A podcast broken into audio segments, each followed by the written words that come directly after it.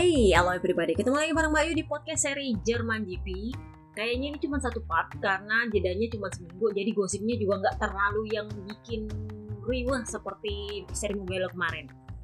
Jadi di seri Jerman GP ini semestinya sih Johan Mir itu diprediksi bakal turun track. Ternyata nggak jadi. Kenapa?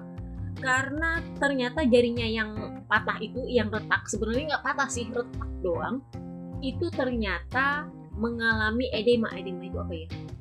Pembengkakan infeksi dan itu perlu dirawat lebih lanjut. Jadi nggak bisa langsung turun di Jerman GP karena itu kan jedanya cuma satu dua empat hari.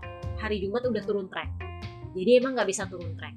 Nah Alex Rins sudah pasti nggak bisa turun. Papa Lukas itu minggu ini dijadwalkan menjalani operasi kedua untuk patah betisnya jadi itu kan yang patah dua tuh. Yang satu udah patah total yang satu retak. Nggak retak sih memang patah sih sebenarnya. Nggak cuma retak patah. Jadi sebenarnya dua tulang yang patah. Cuman satu itu yang emang patah beneran patah. Yang satu retak tapi retaknya itu yang gede gitu. Makanya dikategorikan sebagai patah juga. Nah kemarin itu kalau nggak salah sedang menjalani pemeriksaan karena ada pembengkakan nggak dibilang infeksi juga tapi ada pembengkakan jadi dia harus menjalani perawatan di rumah sakit untuk mengurangi pembengkakannya baru bisa dioperasi jadi uh, nanti kita lihat lah akan seperti apa sementara Paul Espargaro sang kakak Alex Espargaro bilang kayak gini saya itu sebenarnya sedih sama dia. Kenapa? Karena dia pengen banget turun track, tetapi masalahnya tulang belakangnya. Kan udah gue bilang, gue tuh agak bingung dengan dokter Carta yang medisnya MotoGP itu suka sedikit me mengecilkan cederanya rider enggak sih? Waktu itu dia bilang yang jadi masalah besar itu adalah rahangnya. Kalau masalah tulang belakang itu enggak nggak terlalu besar masalahnya dan itu cuma soal waktu untuk bisa kembali sembuh faktanya adalah justru tulang belakang itu yang jadi masalah. Jadi Alex Espargaro bilang gini, saya itu sedih untuk adik saya. Saya ketemu sama dia. Dan dia itu begitu bersemangat bilang bahwa dia mau turun trek.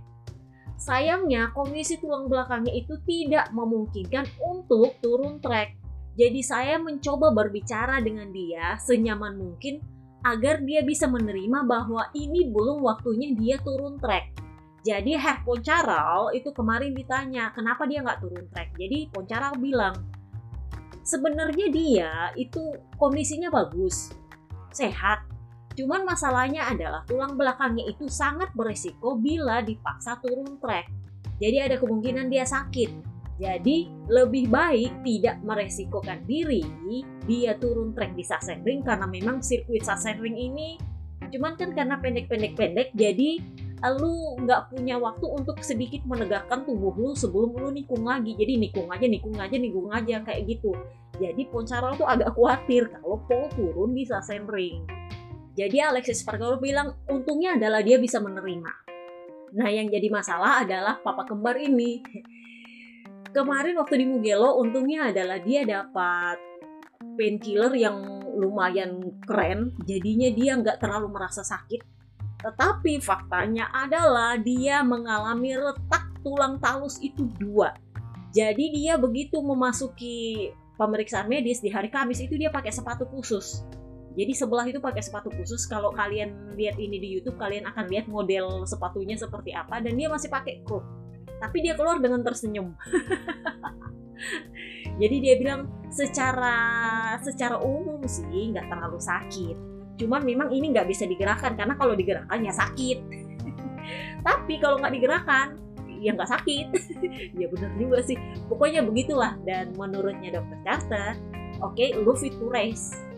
Jadi logikanya kalau kita nanti akan membahas Marcus yang cuma retak tulang jempolnya, ya kalau Alex Espargaro yang punya dua retakan di tulang talusnya di engkelnya itu aja bisa untuk turun track ya mestinya Marcus bisa jadi kalau kita pakai logikanya dokter Carter, ya ya masuk di akal dia dapat itu race. Kalau nanti kita bahas Mark. Nah untuk Honda kemarin kan gue pikir Stefan Balda mau turun tuh, ternyata nggak turun. Jadi Honda memutuskan untuk nggak ada pengganti untuk Jordan tadi anggap Johan Mir dan Papa Lukas. Otomatis mereka cuma punya dua rider. Masing-masing tim, entah itu satelitnya maupun tim pabrikan, sama-sama cuma punya satu rider LCR cuma punya Takaki Nakagami, pangeran drakor, sementara Honda Pabrikan cuma punya Jurun Drakor. Jadi Jurun Drakor dan pangeran drakor.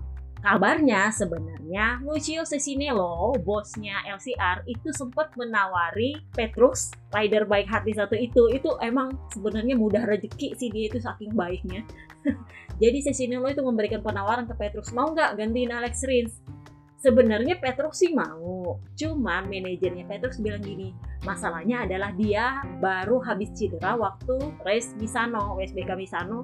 Kalau nggak salah dia tabrakan sama Lekuona apa ya?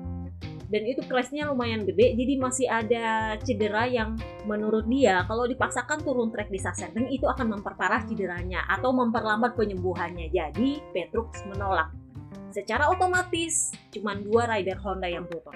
Nah selama jeda race itu gue nggak tahu kenapa apakah memang sengaja media ABR uh, eh, membahas dan me kalau gue bisa bilang memusatkan perhatiannya kepada judul rakor, mereka meminta pendapat dari Opa Ago, yang cuma Agostini, mengenai Mark Marcus. Jadi Opa Ago bilangnya kayak gini, Mark Marcus itu adalah rider terbaik. Yang masalahnya adalah Hondanya nggak kasih dia motor terbaik. Jadi ini masalahnya adalah motornya, bukan masalahnya Mark Marquez-nya. Sementara CTG Bernau itu bilangnya kayak gini, kalau begini terus kondisinya Marquez, saya sendiri entah kenapa merasa bahwa bahkan untuk 2024 pun dia nggak akan sama Honda. Eh, padahal CT tahu bahwa kontraknya Mark Marquez ini sampai 2024 kan. Jadi dia bilang kalau begini terus kondisinya Honda, saya sendiri nggak yakin bahwa tahun depan Marcus itu masih di Honda. Jadi itu katanya strategi Bernal. Jadi Sasending ini seperti yang gue bilang di Twitter, kalau kalian follow gue di Twitter, pasti kalian kalian bisa mengerti lah karakter gue kalau kalian follow gue di Twitter macem-macem lah gue omongin. Jadi kan kemarin gue udah bilang kalau sampai Mark Marcus gagal podium di Sachsenring itu akan membuat image Honda hancur lebur jadi abu. Kenapa? Karena Sachsenring ini adalah sirkuit di mana Mark Marquez tidak pernah gagal menang. Gue ulang, tidak pernah gagal menang. 11 kali dia di Sachsenring, 11 kali dia menang. Dan rata-rata itu tidak terkejar. Sangat mendominasi. Jadi 11 kali penampilannya Mark Marquez di Sachsenring itu nggak pernah dia gagal menang di sana. Dan selama di MotoGP itu dia menangnya bersama Honda. Jadi udah gue bilang kalau sampai dia gagal podium dengan Hondanya di Sachsenring itu berarti image Honda akan hancur lebur jadi abu. Bahkan tanpa perlu ada jari tengah dan segala macam. Tanpa perlu ada drama crash dan segala macam. Cukup lihat balapannya aja. Kalau dia nggak sampai podium, podium aja nggak perlu menang, podium aja itu berarti image-nya Honda udah hancur lebur. Nah, lu bayangin dengan segala macam crashnya dan jari tengahnya, lu bayangin itu Honda punya image sekarang bagaimana? Jadi memang Sachsenring ini bisa dibilang bukan sirkuit yang ramah Ducati. Kalau melihat sejarah dulu-dulu karena Ducati ini kan terkenal susah belok. Nah sementara Sachsenring itu sangat pendek trek lurusnya. Lu nikung aja, nikung aja, nikung aja dan itu menurut secara sejarahnya Ducati agak susah jadi Peko pun berpikir saya berusaha mematahkan mitos bahwa nggak bisa Ducati menang di Sachsenring. Karena kan tahun lalu yang menang siapa? Quartararo. Karena memang Yamaha kan unggulnya di tikungan. Jadi menurutnya Peko ya, saya mau mencoba mematahkan mitos itu bersama Ducati. Jadi memang karena treknya pendek, itu aero nggak terlalu berpengaruh di Sachsenring. Kebanyakan mereka cuma pakai winglet kalau mau pakai yang aneh-aneh segala macam lower firing itu mereka nggak pakai beda dengan di Mugello di Mugello kemarin Piro itu pakai firing terbaru yang jauh lebih mirip dengan lower firingnya Aprilia dan itu nggak dipakai di Sachsenring nah yang menarik adalah peristiwa di hari Jumat jadi di hari Jumat pagi Alexis Fargaro, papa kembar itu crash lagi dan karena dia crash lagi dia tertatih-tatih lagi yang dengar podcast seri Italian GP pasti tahu soal papa kembar yang mengeluhkan mengenai fans Spanyol yang menurut dia menyebalkan. Jadi kemarin gue juga nggak sengaja sih buka-buka Twitter dan itu muncul di timeline gue. Jadi ketika dia habis crash itu ada seorang fans Spanyol yang lucunya adalah menghina dia dan Jorge Martin. Jadi Ini ceritanya sepertinya berawal perkara soal penalti double long lap yang di Portimao kemarin. Karena waktu itu Jorge Martin kan sempat bilang, Mark Marcus ini selama ini memang selalu nyenggol-nyenggol dan gak ada yang perhatiin. Dan dia selalu begitu gaya berkendaranya. Jadi memang dia harus dipenalti supaya memberi efek jerah. Waktu itu Jorge Martin ngomong soal Portimao. Alex Espargaro lebih ekstrim lagi karena kan dia orang Aprilia, sementara Papa Alice kan dari Aprilia juga. Jadi waktu itu Papa Kembar bilang, masih ingat, gue lupa apakah di seri Austin podcastnya. Jadi dia bilang, eh Mark Marcus, bayar aja penalti lu, jangan jadi pengecut. Kan lu bilang lu salah, ya bayar aja. Itu nggak susah kok, cuma double ngeliat penalti. Jadi itulah yang ternyata menjadikan mereka sasaran kebencian para fans Spanyol. Jadi di hari Jumat kemarin setelah sesi FP1, itu ada fans Spanyol yang menghina dia dan Jorge Martin Jorge Martin dan Alex Espargaro itu adalah noda yang sangat memalukan bagi negara Spanyol. Waktu itu Jorge Martin cuma balas dengan hahaha aja. Tapi papa kembar ya you know lah namanya bapak-bapak ya. Jadi dia balasnya kayak gini. Saya 19 tahun membalap itu bawa bendera Spanyol.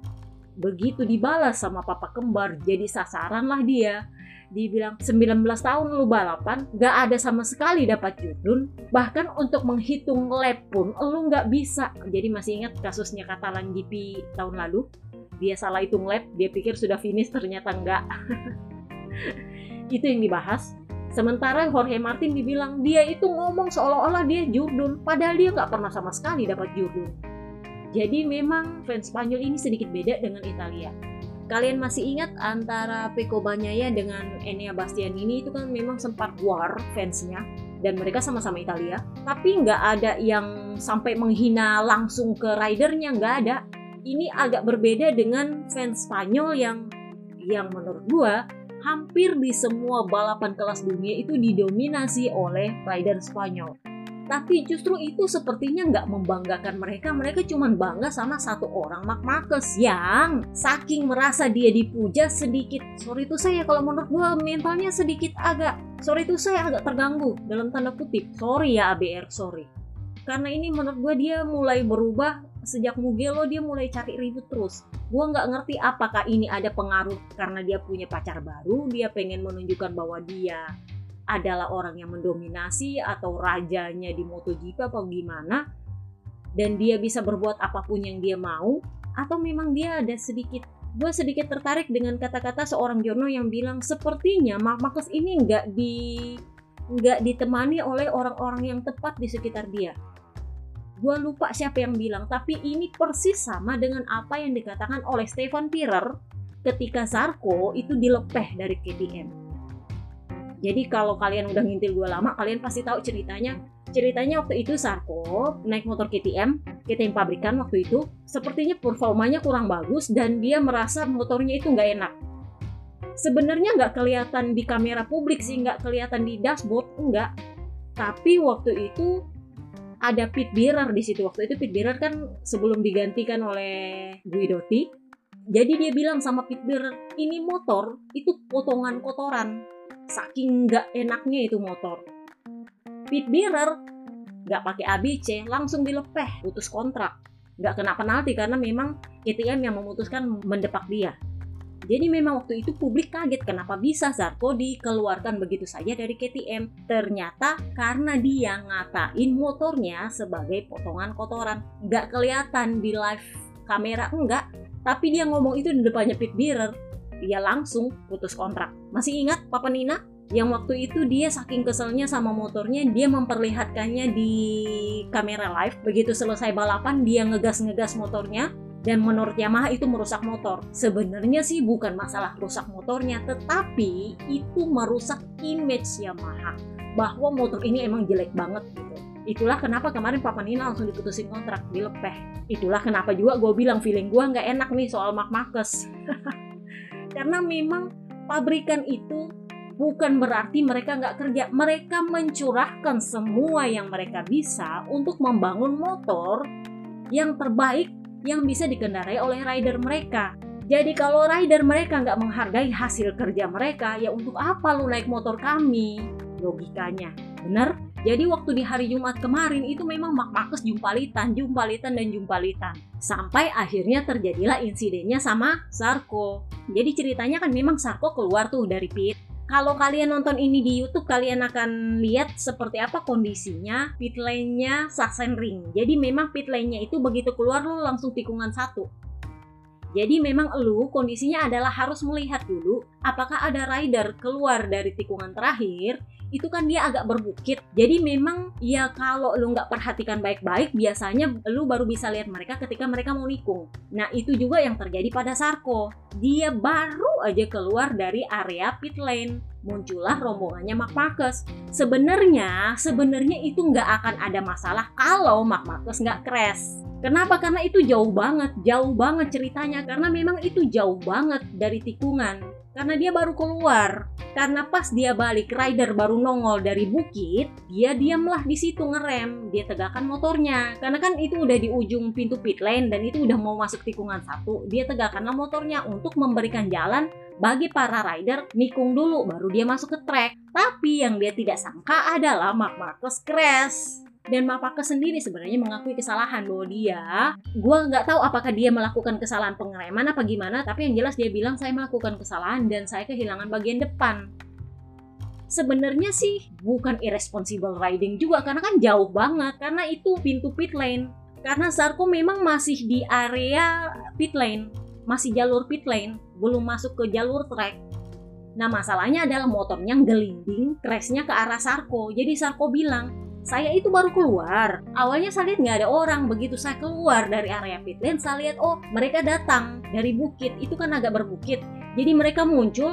Jadi ya sudah saya tegakkan motor saya, saya mau kasih mereka lewat dulu. Yang saya nggak sangka adalah Mark Marcus crash. Jadi menurut saya itu insiden balapan nggak ada masalah. Saya cuma berusaha gimana caranya saya mengangkat sedikit badan saya supaya itu motor yang crash ke arah saya cuman menghantam motor saya nggak menghantam badan saya untungnya juga memang saya jatuhnya keras dan bagian pinggul atas saya itu agak sakit bagian tulang ekor. Itulah kenapa dia agak lama bangun karena itu kan saraf semua di bawah. Itu memang agak sakit sih tapi ya syukurlah saya nggak kenapa-kenapa. Yang saya sayangkan adalah Mark Marcus nggak peduli dia langsung lari ke pit lane. Paling enggak lu tanya baik-baik aja nggak?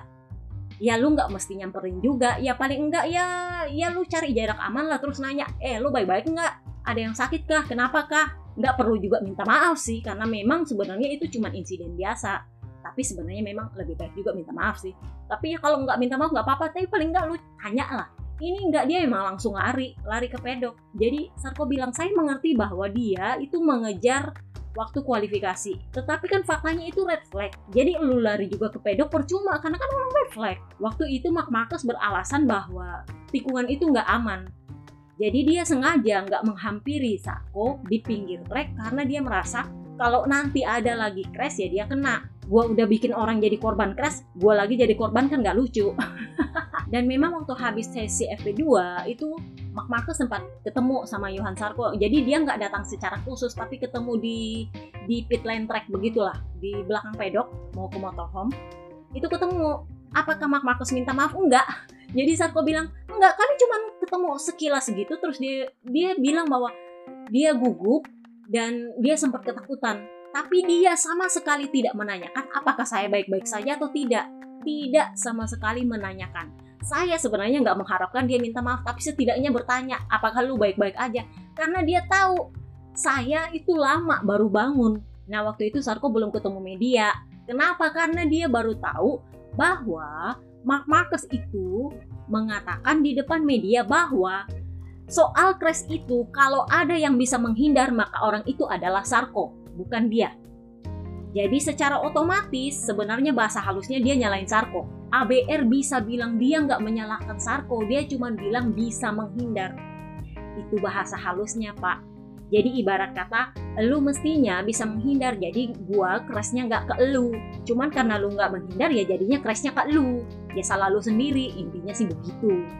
Tapi dia nggak terang-terangan menuding bahwa Sarko yang salah enggak. Tapi dia bilang, bahwa kalau ada yang bisa menghindar dari crash itu maka orang itu adalah Sarko. Kenapa? Karena mestinya seorang rider begitu keluar dari pit lane dia harus melihat apakah ada rider yang muncul dari belakang baru dia masuk ke track. Nah kondisinya adalah sebelum masuk tikungan satu itu kan memang berbukit. Jadi memang jadi memang lu nggak akan tahu siapa yang di ujung trek lurus sana. Lu baru bisa lihat rider datang dari belakang itu kalau sudah mau masuk tikungan satu mereka muncul dari bukit. Jadi yang memang sebenarnya menurut gua sih bukan salah Sarko juga. Dan Sarko bilang kayak gini, saya menerima itu sebagai insiden balapan biasa karena itu memang nggak ada yang salah. Saya nggak salah, Mark Marcus juga nggak salah. Kenapa? Karena memang saya baru bisa melihat rider muncul dari belakang itu kalau mereka sudah melewati bukit mau masuk ke tikungan satu. Nah saya sudah terlanjur keluar, tapi saya belum masuk ke trek dan saya sudah mengerem memberikan kesempatan mereka lewat. Jadi saya tidak bisa menerima bahwa Mark Marcus mengatakan itu salah saya. Saya tidak menyalahkan dia. Tidak ada yang salah karena ini insiden biasa. Itu bisa terjadi.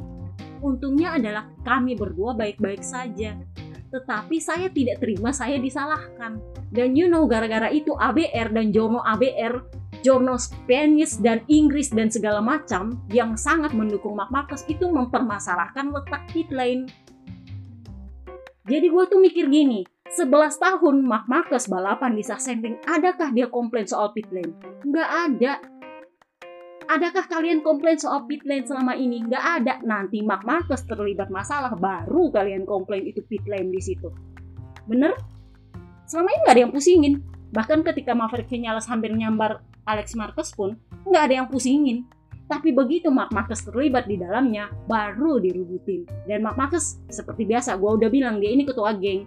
Dia bilang apa? Saya sudah ketemu sama RD. Dan RD akan membuat peraturan bahwa rider mana pun begitu keluar dari pit lane harus memperhatikan rider yang muncul dari belakang.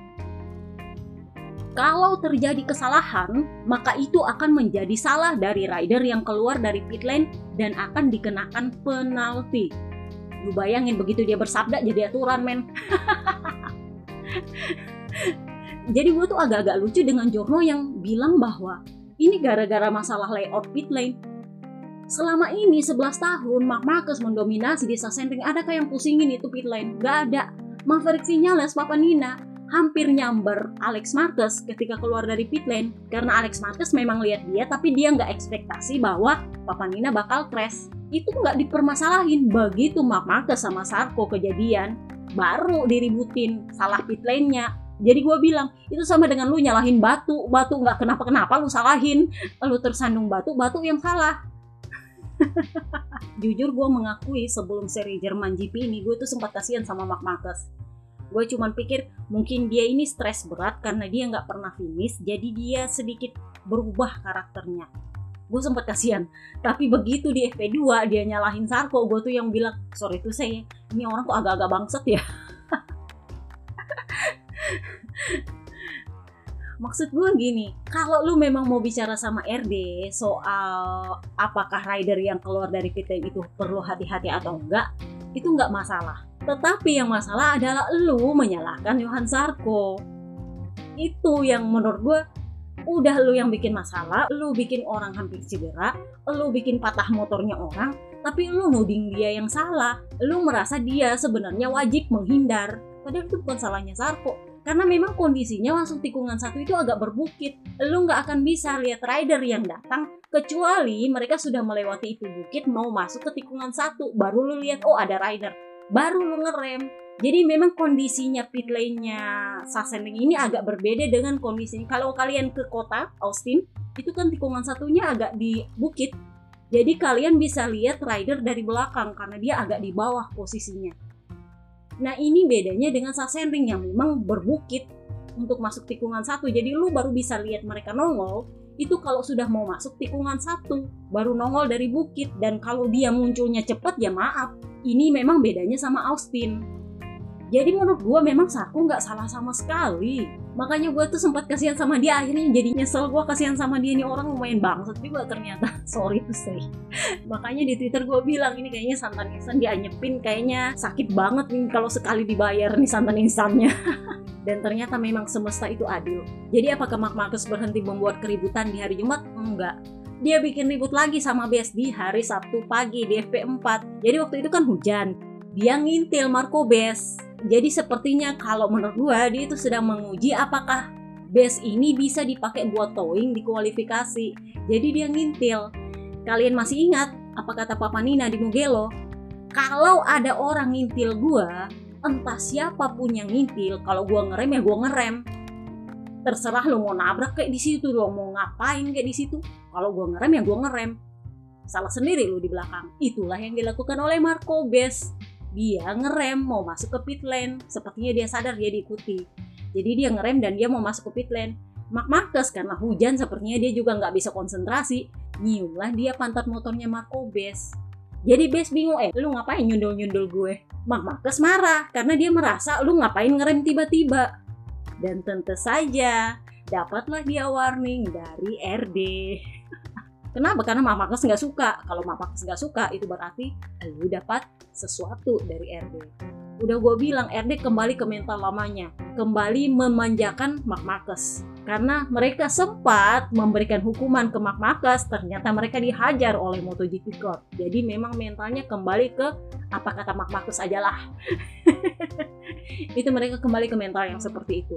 Jadi Marco Marcos dapat warning dari RD bahwa itu adalah perilaku yang mengancam keselamatan pengendara katanya Nah, ini yang menjadi bahan lagi ketika kualifikasi. Mark Marcus crash di tikungan terakhir, tikungan 13. Jadi dia crash itu di seberangnya daerah pit lane. Dia langsung menyeberangi track.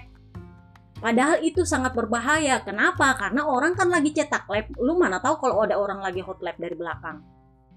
ABR membela lagi idolanya. Dia bilang, tapi itu kan yellow flag justru karena yellow flag itu rider masih diizinkan untuk lewat di track. Cuman memang nggak boleh menyalip. Ketentuan yellow flag adalah lu nggak boleh menyalip dan lu kalau cetak hot lap lagi ada yellow flag di situ otomatis lap lu cancel. Tapi bukan berarti lu nggak boleh lewat atau memperlambat enggak. Beda ketentuan dengan red flag. Kalau red flag lu otomatis memperlambat motor lu dan lu masuk pit lane. Itu aja ketentuannya. Jadi memang kalau lu nyebrang trek di situ ya memang itu berbahaya. Apakah Mark Marcus dapat peringatan? Enggak. Jadi Marco Bes kualifikasi berikutnya dia crash. Sama dia nyebrang juga. Terus ditanya lah dia sama Jordan Aber lu kenapa nyebrang nyebrang? Itu kan berbahaya. Jadilah Bes bilang Mark Marcus kan bisa. Ya berarti gue juga bisa dong. Mestinya kan seperti itu. Saya loh tadi pagi dapat warning dari RD alasannya adalah saya mengerem itu membuat keselamatan rider lain terganggu. Lah apalagi itu nyebrang trek. Jadi Marcus itu seolah-olah bisa melakukan apa pun yang dia mau dan gak ada yang negur. Giliran saya itu ditegur. jadi kalau perkara saya nyebrang trek itu saya lagi dipanggil sama RD, itu akan jadi masalah. Kita akan ribut. Kenapa? Karena Marcus juga melakukan itu dan gak ada yang pusing. Sementara kalau soal tadi pagi itu saya dapat warning, sebenarnya Mark Marcus sudah pernah melakukannya di masa lalu dan dia nggak dapat warning. Bahkan ada rider lain yang keras gara-gara itu, menyentuh ban belakang dia akhirnya crash. Karena dia ngerem dalam tiba-tiba. Nah sementara saya ngerem karena saya mau masuk pit lane. Eh, disalahin. dan gara-gara itu juga Mark Marcobes jadi lagi sasarannya ABR jadi memang gue setuju dengan Papa Kembar ini memang fansnya Spanyol nih memang agak-agak agak-agak lain. Hmm. memang rata-ratanya ABR sepertinya. Oke itu aja podcast kali ini. Sampai ketemu di part 2. See you next time guys. Bye-bye.